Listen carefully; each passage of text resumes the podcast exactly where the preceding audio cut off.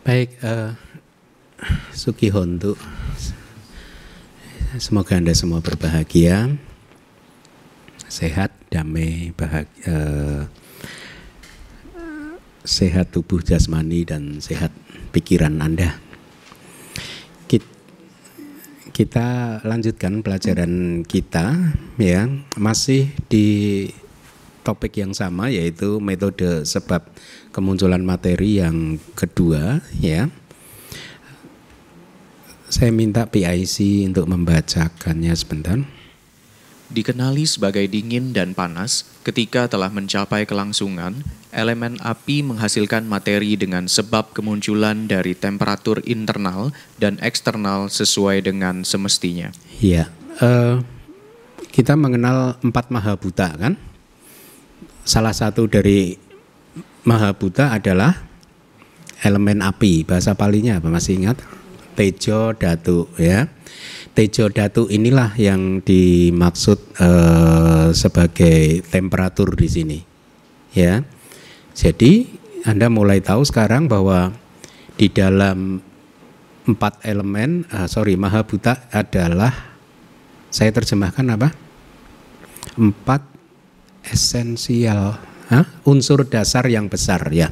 Empat unsur dasar yang besar ada tejo datu yaitu temperatur yang dimaksud sebagai temperatur di sini artinya dengan kata lain setiap rupa kelapa ya bisa menghasilkan eh, apa rupa kelapa yang lain yang lahir dari temperatur utuja rupa kelapa ya paham ya karena kan empat elemen ah, sorry empat unsur dasar yang besar, empat mahabuta itu. Saya pakai palinya saja ya. E, itu kan ada di semua rupa kelapa kan, karena dia adalah unsur dasar kan, ya. Baik itu rupa kelapa yang lahir dari kama, dari cita, dari utu, dari ahara, semuanya ada empat mahabuta. Ya, sesungguhnya semuanya minimal ada delapan kan yang tidak terpisahkan kan. Baik, saya ulangi lagi Ya, jadi yang dimaksud sebagai temperatur yang memproduksi atau menghasilkan uh, rupa uh, atau rupa kelapa di sini adalah tejo datu. Jadi sekarang Anda harus pahami berarti di setiap rupa kelapa itu ada temperatur. Sehingga mempunyai kesempatan untuk bisa memproduksi rupa kelapa yang lahir dari utuh temperatur ya atau melahirkan individu rupa bukan rupa kelapa ya. Nah, e, tetapi Anda lihat di syair itu Anda cermati bahwa harus ada kombinasi pertemuan antara temperatur internal dan eksternal ya. Ya. Apa itu? E, itu kalimat itu penting e, untuk Anda ingat-ingat. Jadi utuja rupa atau materi yang lahir dari temperatur ya itu baru akan muncul kalau temperatur internal bertemu dengan temperatur eksternal ya. Temperatur internal itu adalah temperatur yang ada di dalam rupa kelapa itu sendiri di dalam internal tubuh kita ya. Sedangkan temperatur eksternal adalah temperatur yang ada di luar dari tubuh kita, dari pribadi. Atak bawa istilah palinya. Atak bawa itu atak bawa ya bisa disebut sebagai pribadi, bisa disebut sebagai individu mat, uh, orang ini gitu ya. Jadi itu internal dan eksternal harus bertemu gitu. Mari kita lihat dulu penjelasannya. Elemen api ya ketika telah mencapai kelangsungan. Jadi eh, Anda ingat-ingat bahwa hanya ketika telah mencapai kelangsungan dia bisa menghasilkan eh, materi ya. Setelah mendapatkan perkuatan kondisi-kondisi yang telah lahir sesudahnya dan lain-lain ini padana uh, kondisi yang lahir sesudahnya paca jata pacaya pacayo gitu kondisi yang telah lahir sesudahnya artinya sepertinya di kelas sebelumnya udah ya saya jelaskan ya udah ya paham ya berarti uh, fenomena yang muncul belakangan bisa memperkuat fenomena yang muncul sebelumnya ya uh, sudah saya sampaikan. Nah, Anda ingat poinnya adalah elemen api hanya akan mampu menghasilkan uh, rupa itu di sub momen kelangsungan titik. Anda masih ingat nama palinya? Upada titik bangga ya. Upada titik bangga. Sebenarnya lebih enak pakai pali ya. Ya, titik ya. Di momen titik titik itu kelangsungan. Upada kemunculan bangga penguraian terurai ya hancur. Jadi elemen api memproduksi rupa di titik. Uh,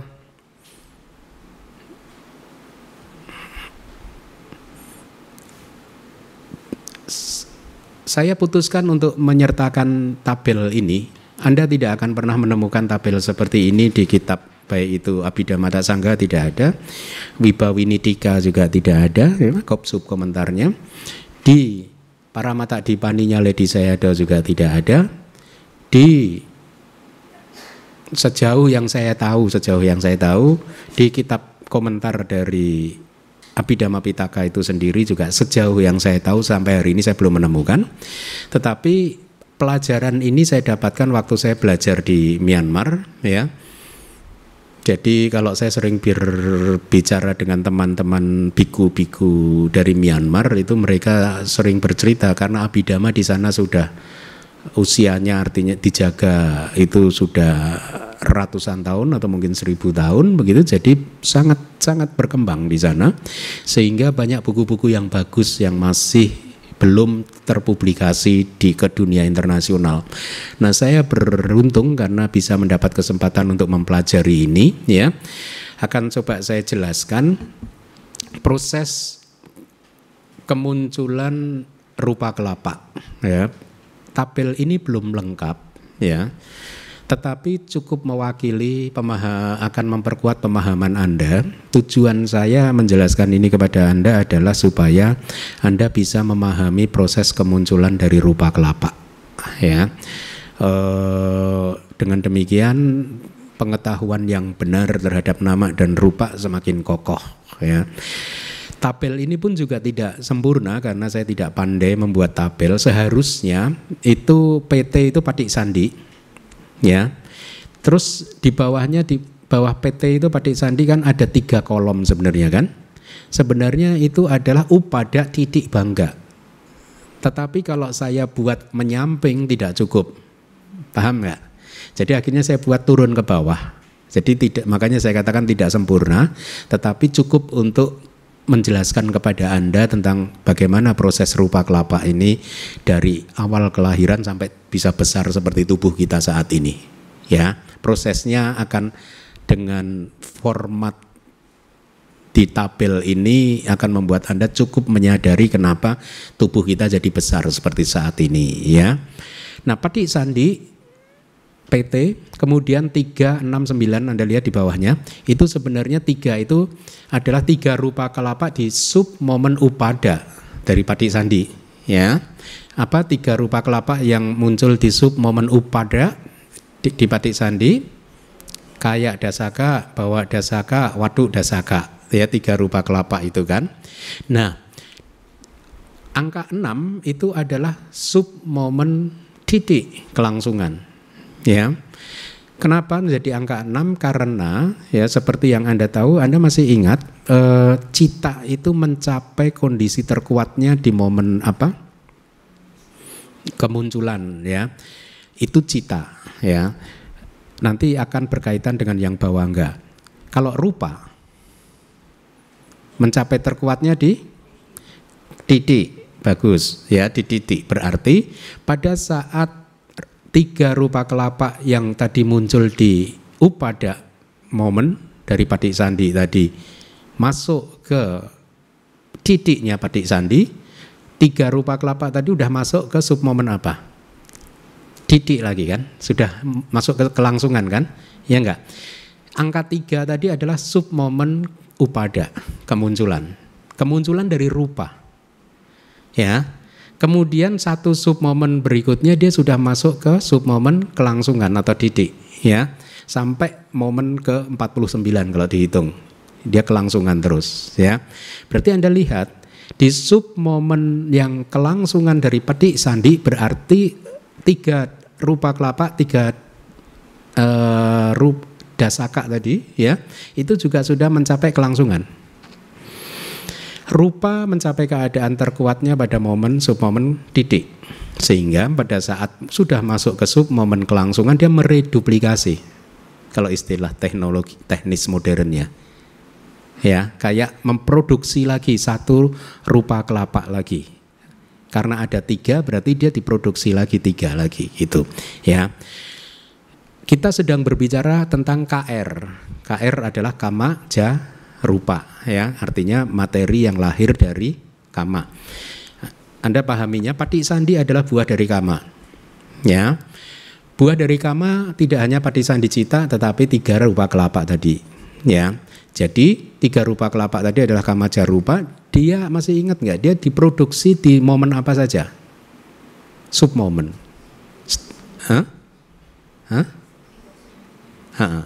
Ya, dia diproduksi terus kan? Ya. Sehingga pada saat uh, uh, rupa tadi mencapai kelangsungan dia mereduplikasi tiga, kemudian sub momen berikutnya sembilan masih mereduplikasi. Ya. Tapi patik sandinya udah lenyap. Bersamaan dengan kelenyapan patik sandi, ya. Muncullah bawangga yang pertama, angka satu itu bawangga. Ya. Setelah patik sandi lenyap kan muncul angka satu yaitu bawangga pertama. Dia mereduplikasi terus itu. Kalau Anda ini kan. Ya muncul terus sama terus. Sampai kalau anda amati angkanya saya singkat ya. Paham ya? Dia mereduplikasi terus sampai di katakanlah ini bawangga ke-16 belum tentu tapi ini adalah cita ke-16 setelah Padik Sandi. Ya. Kenapa kita berhenti di 16 karena usia dari rupa adalah 17 eh, momen kesadaran kan nah di angka yang 16 kolom ke-16 ya pada saat sub momen kelenyapan terdapat 153 rupa kelapa yang lahir dari karma, satu karma loh. Yaitu karma dari masa lalu yang membuat kita lahir, ya, yaitu 153 rupa kelapa yang terdiri dari kaya dasaka, bawa dasaka, watu dasaka. Paham ya? Ya. Nah, kemudian pada saat masuk ke sub momen ke-17, kesadaran ke-17 sejak Pati Sandi, yaitu saya beri warna merah kan, bukan tanpa maksud, ada maksudnya. Di upada dari kesadaran ke-17 setelah padi sandi, angkanya tetap. Kok bisa tetap?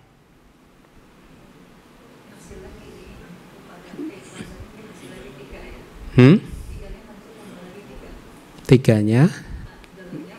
Oh iya, ya. Tiga yang di PT yang pertama tadi itu lenyap karena 17 submomen kan. Tetapi diproduksi baru lagi. Berarti tetap angkanya. Ya, 153 ya. Kemudian di submomen titik dari cita ke nomor 17 e, cita setelah Padi Sandi sama. Angka 6 tadi ya. Yang lenyap berapa? 6. Hmm? Yang lenyap tiga saja. Ya, ya, lenyap tiga muncul tiga terus seperti ini terus sampai hari ini tetapi jangan pernah berpikir bahwa rupa kelapa di tubuh kita ini hanya 153 ini anda bayangkan rupa kelapa kecil sekali tidak ada yang bisa menghitung total jumlah total dari rupa kelapa yang ada di tubuh kita Nah tapi kenapa ini hanya 153 Bante? Ini kan yang buah dari karma masa lalu Ya, yang membuat kita lahir yang membentuk tubuh, jantung dan e, kayak bawa jenis kelamin. Ya. Karena ada nanti karma lain, kama jarupa yang lain. Setiap momen kan kita membentuk karma baru kan? Dia memproduksi rupa kelapa lagi bertimbun-timbun, bertumpukan terus akhirnya sampai hari ini. 17 sub momen atau 17 momen kesadaran setelah Padik Sandi itu sangat singkat sekali kan? Hah? Kalau satu momen kesadaran satu per sekian miliar detik, bayangkan itu berapa? Sangat singkat sekali ya. Ya intinya sampai hari ini kita punya tubuh kayak begini. Setelah bertumpukan, bertumpukan, ya. Ini baru dari satu karma yang menghasilkan kelahiran kembali di kehidupan kita saat ini ya. Kita berhenti dulu di situ ya. Kemudian eh,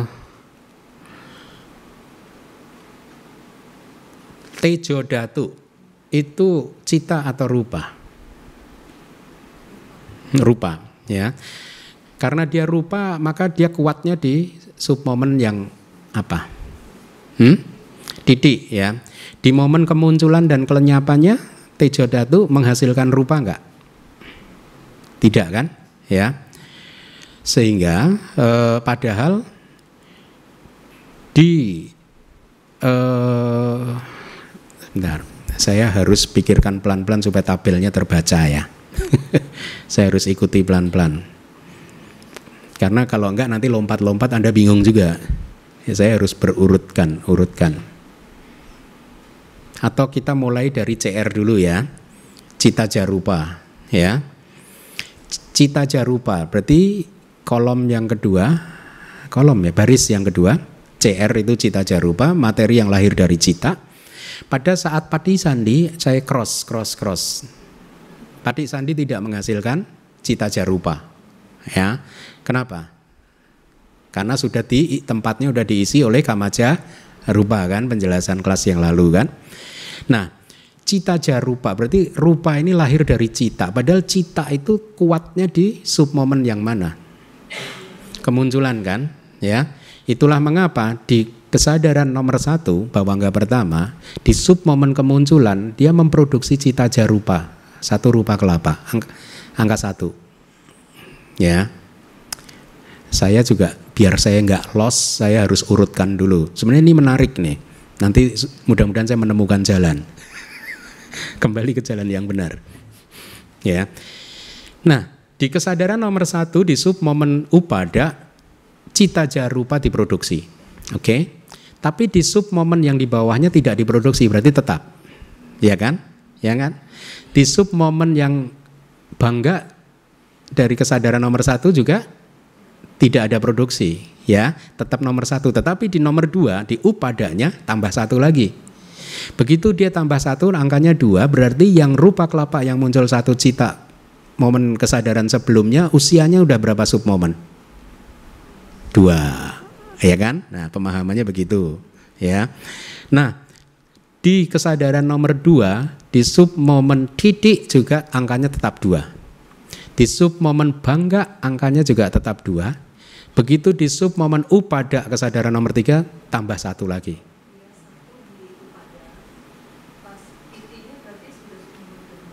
-hmm satu mo, sub, sub momen kan satu momen cita dua dua momen cita dua kita pakai hitungannya cita karena 17 17 momen cita kan usia dari materi kan 17 itu pakai standar hitungan momen dari kesadaran ya nah kalau anda perhatikan di kesadaran nomor tiga yang atas, artinya katakanlah ini bawangga ketiga setelah padi sandi, di sub momen upada muncul satu lagi, betul? Sehingga tertimbun tiga rupa kelapa sudah dari dua yang sebelumnya. Di sub momen di didik dan bangga tidak ada produksi, tapi di upada cita berikutnya ada lagi satu. Dan itu terus sampai ke nomor 16. Ya, tambah satu satu satu satu satu itu ya uh, sebenarnya bukan sampai ke nomor 16, sampai ke nomor 17. Ya. 17 17 17 karena Patik Sandi tadi cross. Begitu sampai ke kesadaran ke-17 setelah Patik Sandi, angkanya 17 itu uh, uh, akan hmm, ya ini juga tetap terus. Tetap terus sepanjang hidup. Ya, akan selalu begitu juga. Sampai di sini bisa dipahami? Bisa ya, pelan-pelan ya. Karena ini pelajaran lama juga nggak ada bukunya soalnya. Kalau ada bukunya saya bisa merefresh terus, ya. Sa kalau anda paham ini nanti kita bisa lebih detail lagi. Tapi rumusnya hampir sama, cara bekerjanya sama, ya. Kita akan detail nanti aharaja rupanya bagaimana gitu. Tapi untuk tahap pertama ini cukup ini cukup rumusnya anda pahami dulu. Nah kita masuk ke baris yang ketiga UR utuja rupa ya. Utuja rupa pada saat sub momen kemunculan petik sandi ya berarti kan rupa kelapanya juga baru muncul. Ya toh? Dia memproduksi enggak belum kan karena dia baru kuat setelah sub momen titik betul? Ya. Nah itulah mengapa di sub momen titik dari patik sandi angka di bawahnya tiga muncul. Tiga ini dari mana? Produksi dari mana? Hmm? Dari tejo datu yang berasal dari kaya dasaka satu dari Tejo Datu yang berasal dari Bawa Dasaka satu, dari Tejo Datu yang berasal dari kayak Bawa Waduk Dasaka satu. Ya, paham ya? Berarti ada tiga kan? Ya, dia akan produksi terus. Begitu dia udah muncul, dia produksi terus. Ya, di sub momen patik sandi bangga atau kelenyapan reduplikasi lagi. Kelangsungannya kan rupa. Iya toh. Bukan kelangsungan cita kan. Tapi kalau menghitung usia rupa kita pakai ya pakai cita. Iya kan? Coba sekali lagi. Rupa mencapai kekuatannya pada sub momen apa? Didiknya rupa, ya, didiknya rupa toh, bukan didiknya cita kan. Jangan itu kan punya tetangga, jangan. Kita bicara rupa, bicara rupa. ya, titik titiknya rupa. Ya. Nah, sehingga pada saat sub momen kelenyapan padi sandi dia masih di titik masih, rupanya masih. Betul. Makanya dia reduplikasi lagi. Ya. Kemudian di sub momen kemunculan dari padi sandi dia masih di titik. Reduplikasi terus. Betul tidak? Ya.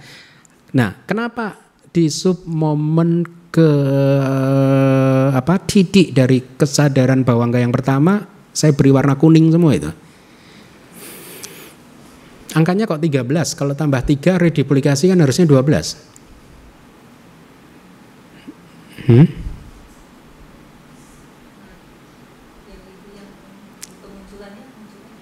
Hmm? Yang mana?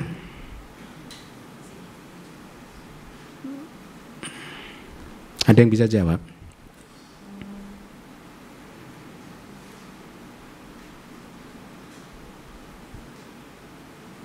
Hmm?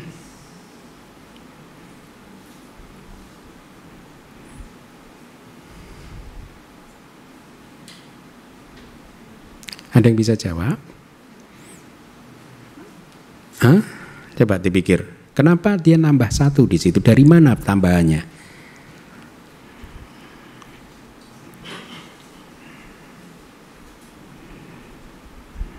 Hmm?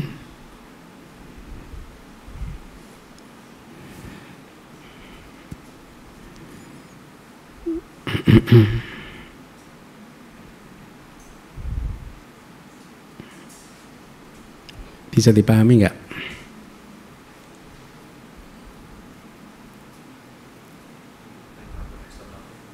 Hmm? Enggak, harus bertemu memang internal dan eksternal harus bertemu sih tidak bisa tidak bisa eksternal sendiri tidak bisa memproduksi juga. Kalau menurut sub komentar internal sendiri juga tidak bisa. Tapi di sub komentar juga dijelaskan pada hakikatnya kita setiap saat bertemu internal dan eksternal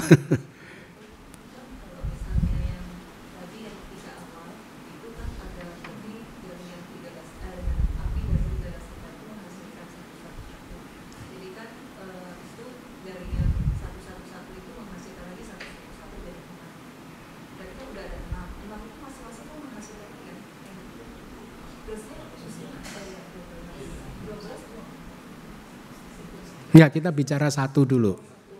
Enggak, kalau kalau di, digitukan nanti Anda bingung. Satu-satu dulu. Enggak, kita bicara satu satu jenis dulu. Karena kalau ini nanti angkanya akan rumit. karena terduplikasi semua nanti. Anda akan semakin sulit. Tapi dari kalau Anda nanti memahami tabel ini, Anda akan paham rumusnya sudah. Anda bisa berpikir kayak gitu lagi tadi. Ya. Yang ini juga duplikasi lagi, duplikasi lagi gitu. Kita pelan-pelan karena eh,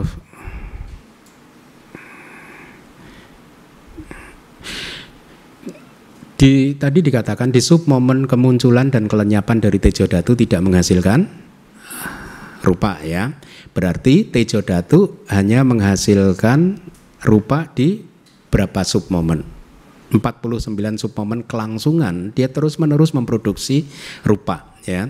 Itu yang dinamakan utu samudana rupa atau materi yang mempunyai temperatur sebagai sebab kemunculan atau kalau Myanmar itu cukup disebut udu jarupa yaitu materi yang lahir dari rupa ya. Nah, eh, tejo datu saya ulang kita kita mencoba pahami pelan-pelan. Tejo datu memproduksi rupa yaitu pada saat dia bertemu dengan temperatur eksternal yang internal dan eksternal bertemu ya. Sekarang apa saja materi-materi yang dihasilkan dari uduk? Kita lupakan dulu tabelnya. Apa saja materi-materi yang dihasilkan oleh uduk? Hmm? Sada. Apa? Anda bayangkan pohon ini bisa keras, bisa lembut nggak, lembek nggak? Berarti tiga lahuta itu ada di pohon, di luar juga ya. Itu untuk terus kemudian sembilan yang Awini Boga Tama Angkasa ya itu kan materi yang muncul coba baca handout supaya anda paham semua halaman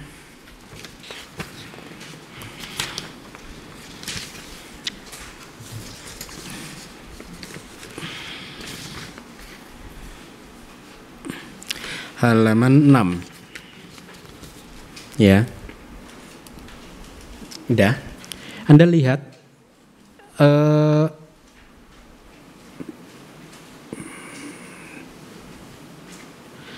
yang paling bawah ada tulisan catu jarupa sembilan itu. Ya, catu itu empat, ja itu lahir, rupa itu materi. Materi yang lahir melalui empat sebab. Ya, ada sembilan, yaitu empat mahabuta, wana, gandara, sauja, pariceda. Pariceda itu angkasa gampang menghafalnya. Delapan awini boga, delapan yang tidak terpisahkan plus angkasa, plus pariceda, ya materi pembatas kan. Sembilan ini lahir dari empat sebab, berarti bisa lahir dari uduk juga kan? Ya, berarti ada tadi sada lahir dari uduk, tiga lahuta lahir dari uduk, sembilan ini juga lahir dari utuk. Berarti ada berapa materi yang lahir dari utuk? Hah? Iya. Kita 13 ya.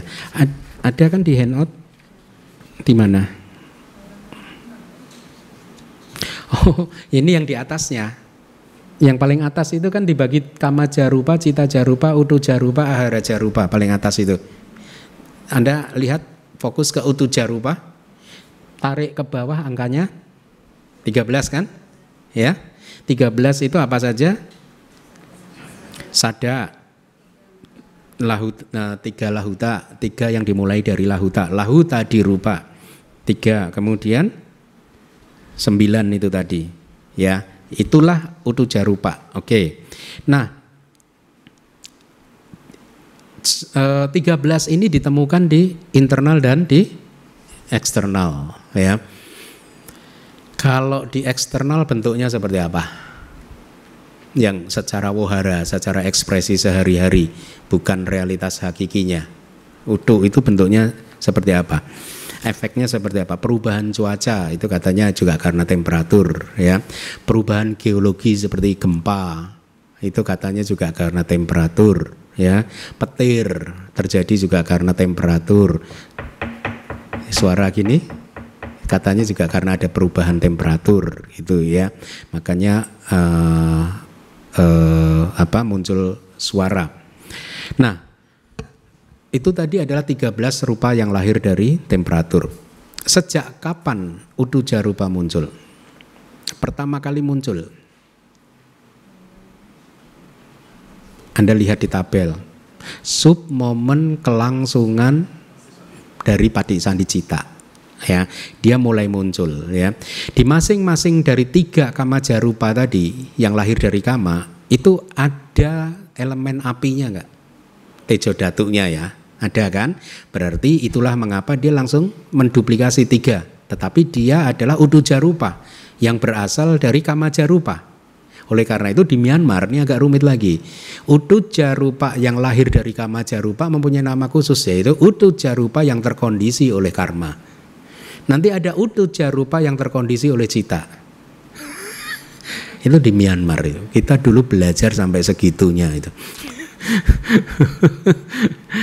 nah, saya makanya saya kagum kalau mendengarkan Seado ceramah ya, membaca buku-buku Seado. Beliau-beliau bisa sangat akurat untuk menyampaikan ini di luar kepala begitu. Kitanya yang meraba-raba kan. ya.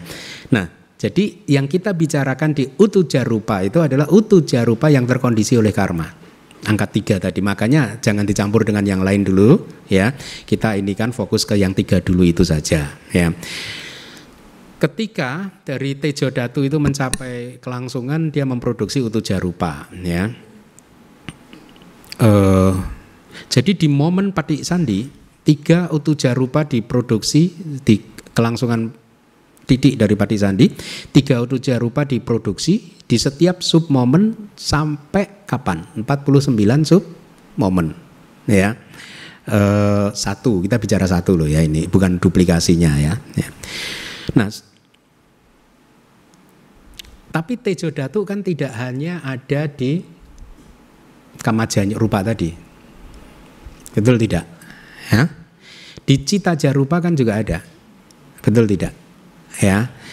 Di Cita Jarupa juga ada tejo jat, tejo datu. Nah, cita jarupa yang muncul di bawah enggak yang kedua itu, ya, dia juga memproduksi udu jarupa di setiap submomen titik.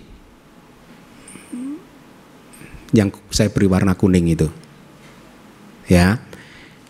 Jadi tejo datu yang ada di cita jarupa, ya, yang muncul sejak di bawah enggak kedua di submomen titiknya dia memproduksi udu jarupa di setiap submomen submomen tersebut. Ya. Hmm. Paham makanya di situ saya beri warna kuning ke kanan itu selalu tambahnya empat dari yang di atasnya 9 tambah 4 13 19 tambah 4 23 Paham nggak? Ini nanti yang nonton di YouTube paham nggak? Kasihan yang nonton di YouTube. Yang nonton di YouTube nanti lihat filenya ya sambil diikuti ya.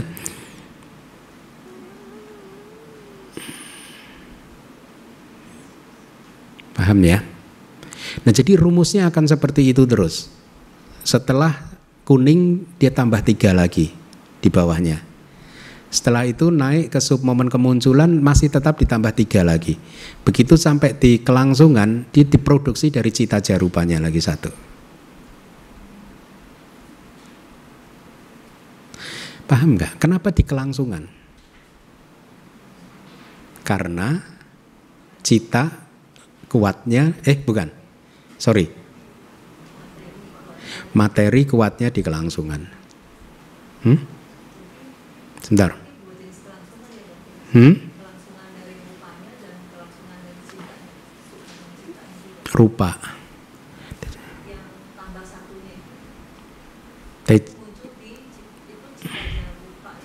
Cit, mm -mm.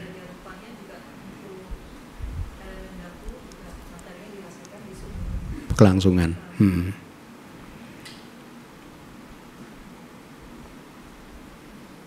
Paham nggak yang lain? Rumit ya? Hah? Lumayan rumit ya? Hah? Mak, dilanjutkan? Atau cukupkan sampai sekian? Ada kadung basah.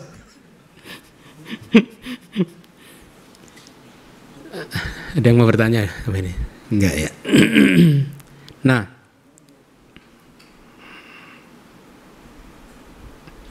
untuk utuh jarupa, Anda lihat di sub momen yang ke-17. Ini agak tricky di sub momen uh, uh, sorry, di cita ke-17 sejak Padik Sandi. Kan itu angkanya formatnya apanya rumusnya sama terus. Yang di tengah yang kuning itu ditambah satu tambah satu terus. Yang lainnya tambah tiga. Ya. Berhenti di angka ke-16, cita ke-16 sejak Padik Sandi tetapi di cita ke-17 sejak, Padik Sandi ini agak tricky ya. Coba Anda perhatikan utuja rupa yang pertama kali muncul. Muncul di sub momen didik dari Pati Sandi. Ya, betul. Sub momen didik dari Pati Sandi. Tetapi sebenarnya rupanya itu sendiri muncul di mana? Sub momen apa? Hah? Hah? Upada. Ya toh? Paham? Yang angka tiga itu di UR itu, utuh jarupa angka tiga itu, memang dia muncul di sub momen didik didik dari patik sandi. Tetapi kalau kita bicara sub momen dari rupa itu sendiri dia baru muncul kan? Ya. Dia baru muncul ya. Nah, di sub momen bangga dari patik sandi ya itu adalah juga masih submomen dari utuh jarupanya di submomen bangganya Padik Sandi utuh jarupanya berada di submomen apa? Kelangsungan. Kan tadi sebelumnya kelenyapan upada kemudian titik jadi satu momen kesadaran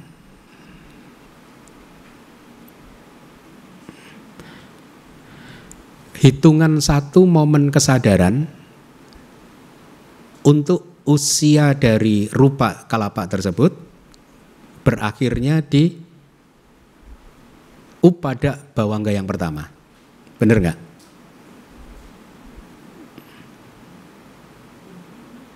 Angka tiga itu adalah upada. Angka enam didik dua submomen.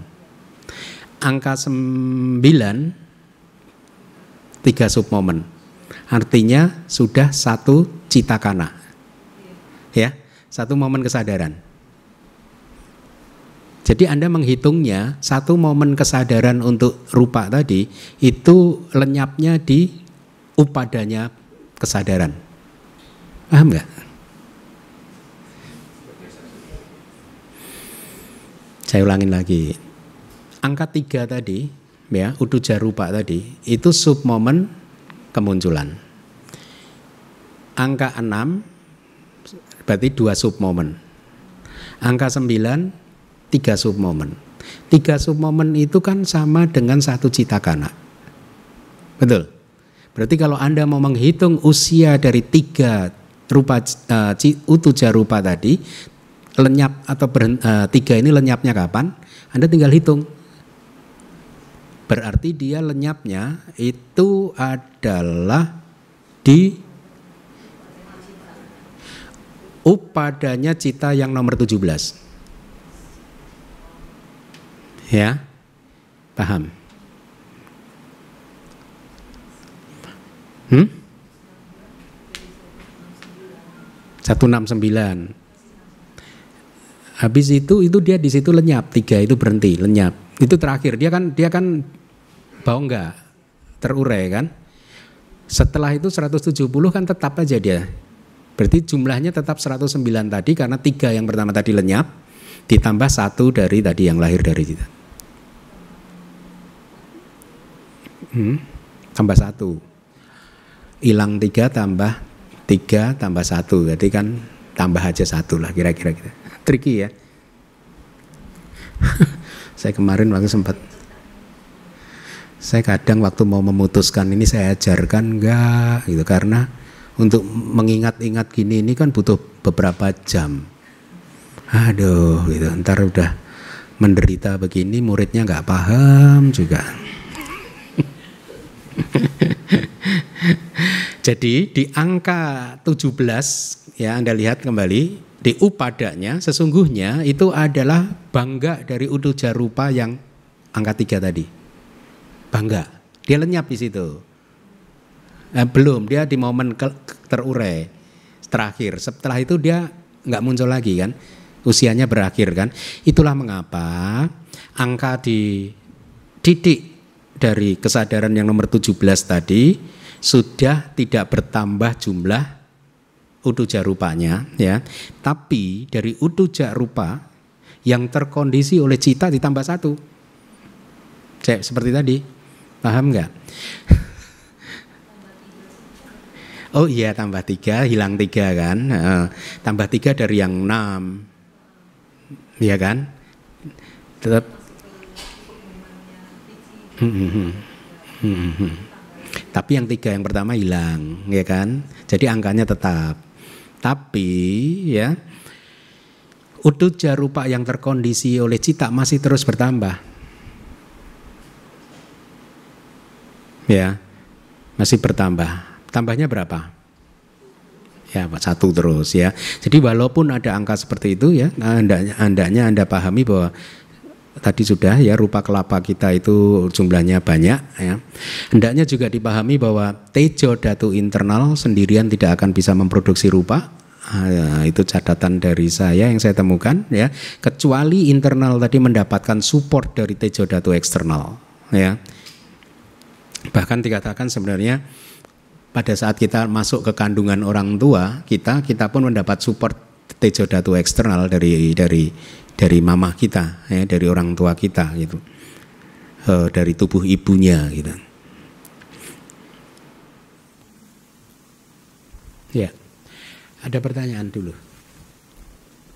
Kita cukupkan dulu ya. Anda mulai dapat gambarannya dulu karena nanti akan kelas-kelas berikutnya kita akan masuk lebih dalam lagi, lebih dalam lagi gitu. Paling tidak tujuan saya sebenarnya menyampaikan ini adalah Anda mulai mengerti hmm, prosesnya ya proses produksi dari rupa kelapa itu ya baik kita lanjutkan makanan yang dikenal sebagai sari makanan menghasilkan materi dengan sebab kemunculan dari makanan pada saat ditelan hanya ketika telah mencapai kelangsungan. Sehubungan dengan hal tersebut, jantung dan daya pengendali atau indria hanya lahir dari kama. Ya, terima kasih. Uh, saya di file yang lama saya terjemahkan jadi daya pengendali saja ya. Saya lagi berpikir mungkin lebih baik indria supaya lebih dekat ya e, dengan kata palinya supaya Anda juga hafal. Indria itu kan kayak raja, dia mengendalikan semuanya. Di buku-buku awal saya terjemahkan jadi daya pengendali. Nah, e, kita berbicara tentang makanan. ya. Karena ini juga merupakan satu dari empat sebab kemunculan rupa kan tapi makanan menurut Abidama itu hendaknya dipahami e, tidak makanan kasar itu ya, tapi yang dimaksud adalah oja, sari makanan. Ya. Bukan makanan yang ada di restoran itu. Ya. Yang oja itu yang seperti apa? Kalau di Wibawini dikatakan eh di Abhidhamma Sanggaha dikatakan makanan pada saat ditelan. Ya. Dia sudah menjadi oja, tapi sebenarnya guru saya dulu mengatakan ini agak miss ini, bukan setelah ditelan, setelah bertemu dengan lidah kita. Apa itu? Hmm? Oh. Setelah bertemu dengan saliva. Saliva itu air liur, ya. Harusnya seperti itu. Nah, jadi sari makanan yang berasal uh, dari makanan yang ada di restoran itulah yang dimaksud di sini sebagai realitas hakiki yang mempunyai nama oja. Ketika sari makanan tadi di teks Anda uh, harusnya ada. Ketika sari makanan mencapai kelangsungan ya. Tidik maka dia kembali lagi memproduksi ahara jarupa, bukan di sub momen upada. Ya, rupa akan mencapai kekuatannya pada saat dia berada di sub momen kelangsungan. Jadi di sub momen kelangsungan atau didik sari makanan tadi oja memproduksi aharaja rupa. Nah, oja itu ada di awini boga tidak? Ada ya? Oja itu ada di awini boga yang tidak terpisahkan, sehingga ada di mana-mana sari makanan itu. Ya, jadi anda bayangkan seperti tadi elemen api tadi ada di mana-mana, ada di semua rupa kelapa. Oja pun juga ada di semua rupa kelapa. Ya, itu dipahami dulu. Ya. Oh yes. dulu saya ada berkata kalau di uh, sorry di Abhidhamma Sangga dikatakan mencapai kelangsungan tadi eh, sorry pada saat makanan ditelan itu dikatakan tuh hanya wohara saja ekspresi sehari-hari saja ya. Tapi menurut beliau tadi bertemu dengan salaiva nah kembali lagi.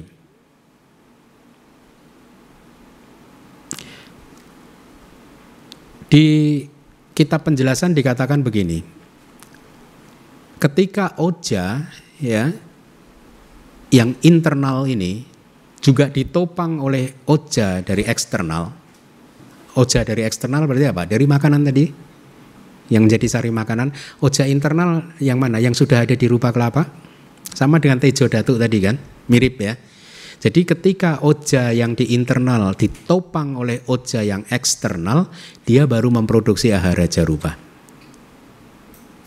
Ya. Dan per, huh?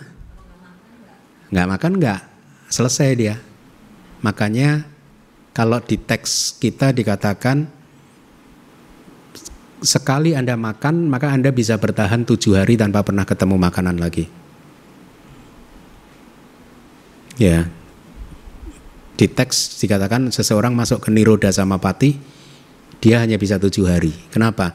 Karena penjelasannya tubuh bisa mempertahankan dirinya sendiri hanya selama tujuh hari sejak dia terakhir ketemu makanan. Itu. Setelah hari ketujuh, secara otomatis beliau akan keluar dari niroda samapati semata-mata karena tubuhnya memerlukan support baru lagi. Gitu. Itu itu kitab komentar ya. Meskipun katanya ada yang mengatakan ada meditator yang bisa tanpa makanan lebih dari tujuh hari, katanya begitu. Tapi ya di kitab kita hanya membatasi sampai tujuh hari. Nah kembali lagi, jadi oja yang internal kalau ditopang dengan oja yang eksternal dia akan memproduksi raja rupa, tapi hanya di sub momen juga di di ya.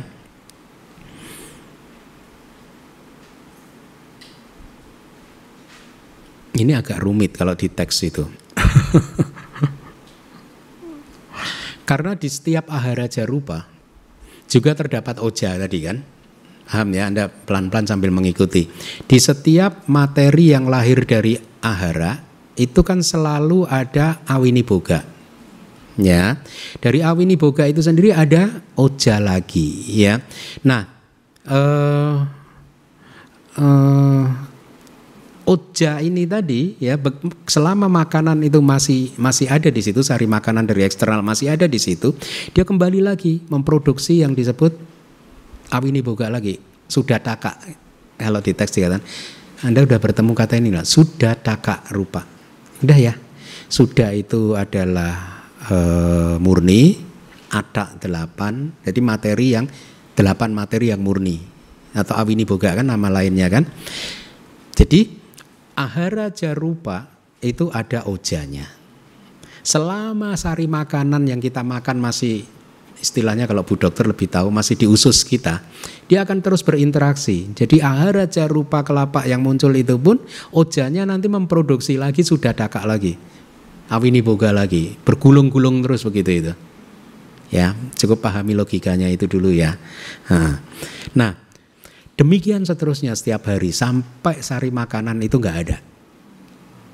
Tadi ya, dia akan bergulung-gulung katanya sampai tujuh hari gitu. Demikian juga di setiap kama jarupa ada ojanya enggak? Hmm? Ada. Cita jarupa ada enggak? Ada. Udu jarupa ada enggak? Ada ojanya.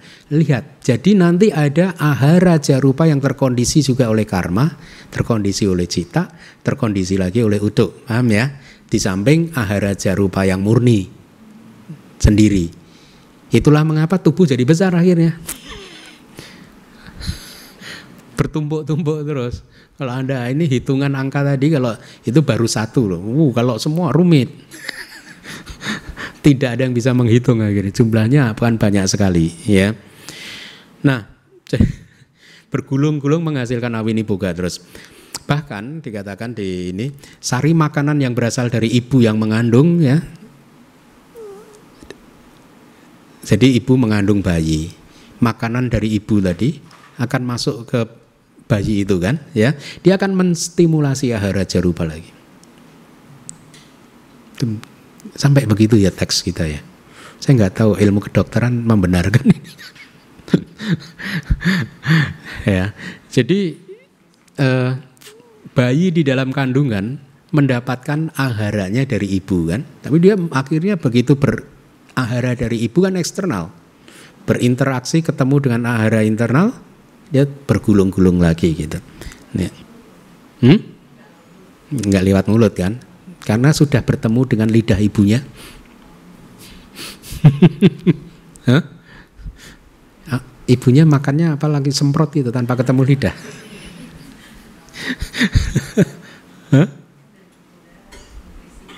Nutrisi dari pembuluh darah ya. Ya itu, itu itu katanya. Uh, Makanya istilahnya benar benar sari makanan kan, bukan makanan kan? Ya kan? Kalau ahara itu makanan kasar. Kabalikara ahara itu makanan kasar. Nah, sari makanan yang telah masuk ke tubuh itu tadi mampu membuat seseorang bertahan tujuh hari. uh, nanti pelan-pelan akan semakin dalam, semakin menarik. Makanya Anda pahami dulu logikanya dulu ya penjelasannya dari Wibawinidika. Oleh karena hanya dilahirkan oleh kama, maka sembilan materi yaitu jantung dan daya pengendali hanya lahir dari kama. Apa saja sembilan materi coba sebutkan? Hmm? Hmm? Lima pasada. Kemudian dua bawa rupa. Kemudian ada waktu berarti delapan. Kemudian ciwitindria rupa. Itu selalu dihasilkan oleh kama anda lihat handout sama kan? Yang sembilan yang paling atas itu. Paham? Halaman 6 handout. Yang paling atas kama pasada bawa jiwita hadaya itu kan hanya angka 9 itu hanya di kama jarupa always kan A kan? Di citaja utuja ahara kan tidak ada keterangan. Berarti 9 materi itu tadi pasada bawa jiwita dan hadaya itu selalu dari karma. Jiwita itu nyawa. Nyawa kita itu diproduksi oleh karma produktif dari kehidupan lampau. Ya. Jadi sebenarnya usia kita panjang pendek itu sesuai kemampuan jiwitindrianya itu ada dua ciwitindria rupa uh, kan cetasika dan rupa kan. Oke kita lanjutkan lagi.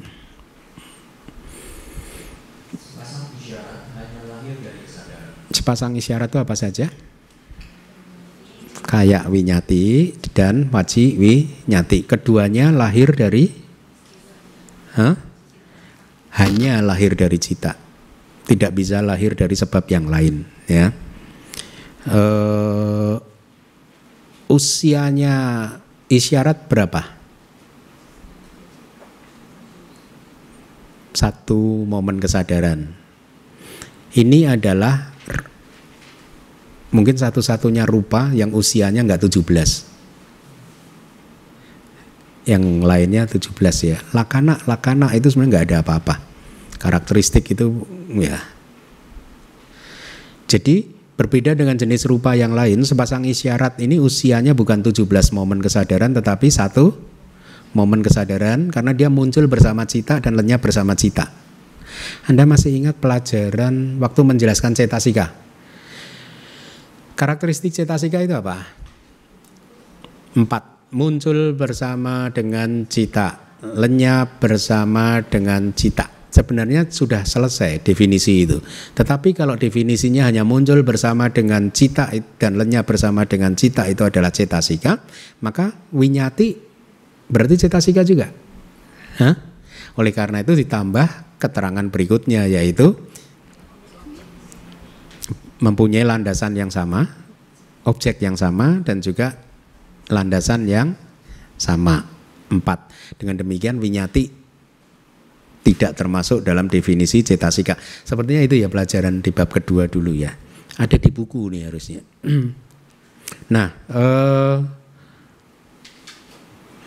selanjutnya suara lahir dari kesadaran dan temperatur. Nah, ini menarik. Jadi suara itu bisa lahir dari kesadaran dan temperatur. Suara saya ini lahir dari kesadaran. Suara ini suara yang kruk kruk kruk di perut Anda? Temperatur. Cita atau temperatur itu? temperatur. Suara lain dari yang ada di dalam tubuh Anda, perut keroncongan gitu ya. Itu itu dari temperatur. Saya heran loh, cocok ya dengan ilmu pengetahuan ya masih ya? Enggak? Hah?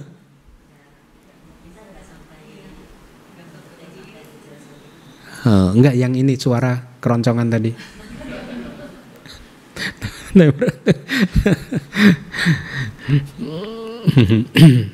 Oke, jadi suara muncul dari bisa muncul dari dua sebab yaitu cita dan temperatur. Sepasang isyarat cita saja, bagus. Kemudian Tiga materi dimulai dari peringanan dan seterusnya muncul dari temperatur, kesadaran, dan makanan lahuta muduta kamanyata tiga sebab tanpa kecuali kama bagus ya. Eh, lahir hanya dari utuk cita dan ahara. Rupa jenis ini sebenarnya sangat jelas terlihat kalau anda bermeditasi ya. Sering sudah saya sampaikan di kelas-kelas terdahulu. Begitu meditasi anda berkembang sati sama di anda berkembang tubuh anda akan mulai terasa ringan kan ya. Tidak hanya terasa ringan juga seolah-olah lentur gitu kan juga ya. Dan cekatan. Betul tidak? Nggak ada capeknya kayaknya. Betul ya? Jadi tubuhnya itulah efek dari lahuta muduta kamanyata makanya kalau retret anda perhatikan tadinya tubuhnya berat kaku nggak lentur gitu terus malah selamban nggak cekatan sekarang jadi berbeda. Itulah lahuta muduta dan kamanyata Ya. Berbeda kalau misalkan Anda meditasi mengantuk terus. Hah? Menguap terus itu. Ada lahutamu duntanya enggak? Berat gitu ya, pengennya tidur. penjelasannya tiga materi dimulai dengan peringanan tidak lahir dari kama karena mereka ini alasannya bagus ya di kitab Wibawi ini karena mereka membutuhkan kondisi-kondisi masa kini. Ya. Karena kama selalu menjadi kondisi masa lampau. Kalau kita bicara masa lampau untuk karma jangan diartikan kehidupan lampau satu momen cita sebelumnya juga satu witi sebelumnya sudah lampau juga. Ya. Nah, jadi karena dia membutuhkan kondisi-kondisi masa kini, makanya dia tidak setiap waktu muncul. Ya. Apabila mereka disebabkan oleh kama, enak. Dia akan muncul setiap saat. Betul tidak? Karena kama jarupa muncul setiap sub momen. Hmm? Jadi enak kita badan kita lentur terus ringan. Ginkang terus. ya jadi lahuta muduta kamanyata membutuhkan kondisi masa kini ya. Dia disebabkan oleh tiga sebab kecuali kama ya. Anda boleh juga membayangkan pada saat batin Anda bahagia, tubuh Anda kenal capek enggak? Cekatan kan? Hmm? Ya, begitu Anda jengkel, marah, iya hilang dia ya nggak ada lahutanya nggak ada muduta nggak ada. Gitu. Di teks kita dikatakan pada saat batin indah itu akan terasa, yang hmm, Anda bisa membedakan bagaimana tubuh Anda menjadi ringan, lentur dan cekatan. Demikian juga apabila Anda berada dalam ruang dengan temperatur yang kondusif, maka tubuh Anda juga akan terasa perbedaannya. Atau kalau makan makanan yang cocok, maka tiga jenis rupa ini juga akan terasa. Selanjutnya, materi-materi yang tidak terpisahkan dan elemen angkasa muncul dari empat sebab. Materi yang tidak terpisahkan itu apa? Ada berapa? Delapan. Awini Boga dan elemen angkasa muncul dari empat sebab. Ada di tab uh, handout kita. Ada ya di halaman ke-6 yang terakhir itu. Eh, kok yang terakhir? Hah? Empat sebab. Mm -mm.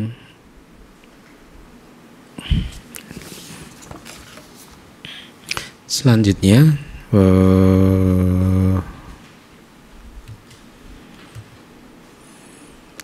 lagi materi-materi karakteristik tidak dilahirkan dari apa pun. Ya, materi karakteristik tidak diproduksi oleh sebab apa pun karena materi karakteristik itu sesungguhnya bukan rupa, ya sesungguhnya bukan rupa yang nyata. Dia itu hanya karakteristik saja ya. Kalau rupa itu masih diup pada oh itulah katakanlah upacaya atau santati tergantung sub momennya kan di pelajaran terdahulu kan sudah di ini kan. Kan kalau rupanya itu masuk di didi oh inilah uh, upacaya santati jarata ya kalau dia lenyap anijata gitu jadi dia sebenarnya hanyalah nama untuk fenomena rupa yang muncul bertahan lenyap gitu. Makanya dia tidak dilahirkan dari apa pun gitu. Kemudian 18, 15, 13 dan 12 adalah lahir berturut-turut dari kama, kesadaran, temperatur dan makanan. Ya. Uh, Anda juga bisa lihat dari handout ini harusnya 18 Hah? 18, 15, 13, 12 kan? Angka yang di bawah itu 9 plus 9 berapa anak-anak? 2 plus 13 15 kosong plus 13 13 kosong plus 12 Anda tarik ke atas ketemu semua 18 itu apa saja? Ya coba saya tes 18 apa saja? Ada 9 yang selalu lahir dari kama yaitu lima pasada, dua bawah, satu jiwita, satu ada ya sembilan yang sometimes kadang-kadang adalah delapan awini boga dan akasa atau parijeda betul ya. Kemudian lima belas yang lahir dari cita itu apa saja? Dua winyati. Kemudian? Dua winyati. Sada. Tiga. Kemudian? Lahuta muduta. Kamanyata. Berarti enam. Terus sembilan yang tadi. Awini boga dan pariceda. Kemudian tiga belas yang lahir dari utu apa saja? Utu sada satu, lahuta muduta. Kamanyata tiga. Tambah sembilan yang tadi kan, berarti tiga belas. Dua belas yang lahir dari ahara. Lahuta muduta kamanyata plus sembilan yang tadi. Mudah ya sebenarnya pinter-pinter ya. Waduh gurunya kalah pinter nih. Harus ada yang saya rahasiakan satu ini. Huh?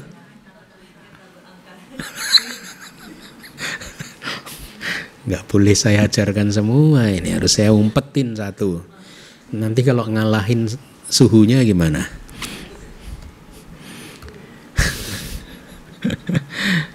Sedikit lagi ya.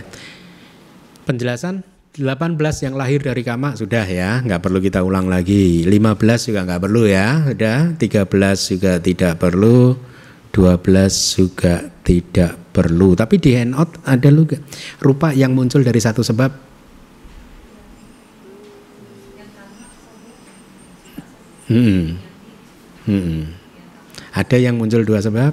Nah, Anda cross cross begitu. dulu ujian loh kayak gitu muncul kita ngapalin loh.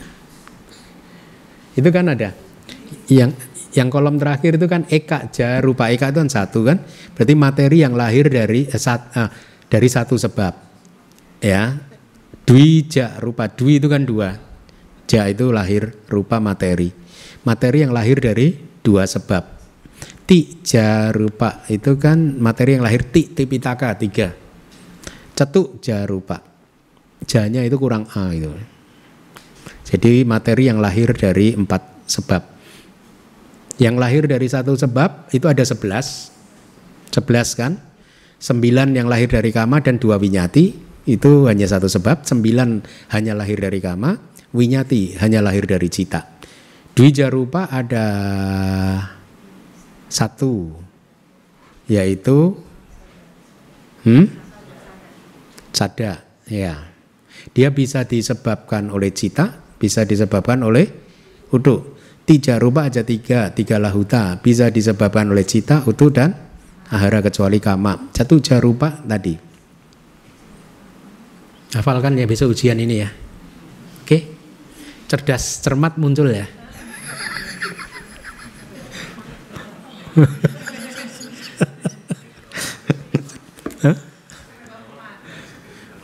Kalau Hmm, kalau saya compassion, karuna orang saya, saya kan nggak tega murid nggak bisa jawab. Lihat, saya kalau bikin pertanyaan saya jawab sendiri. Ya enggak? Kalau cerdas cermat yang menyebutkan pertanyaan saya enak. Anda nggak usah jawab, pasti saya jawab sendiri. Kalau dosennya aling beda.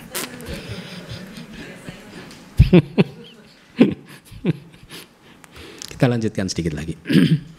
Dikatakan Dikatakan bahwa oleh karena mereka hanyalah karakteristik untuk materi-materi yang lahir dan lain-lain, maka karakteristik-karakteristik tidak dilahirkan oleh apa pun dari mereka. Ya, saya rasa Anda paham ya itu ya. Jadi materi karakteristik itu tidak dilahirkan oleh apa pun yaitu apa? Upacaya santati, jarata dan anicata tidak dilahirkan karena dia hanya karakteristik ya dari kelahiran menuju ke kematangan dan kehancuran. Mereka tidak mempunyai karakteristik alamiahnya sendiri. Selesai. Satu.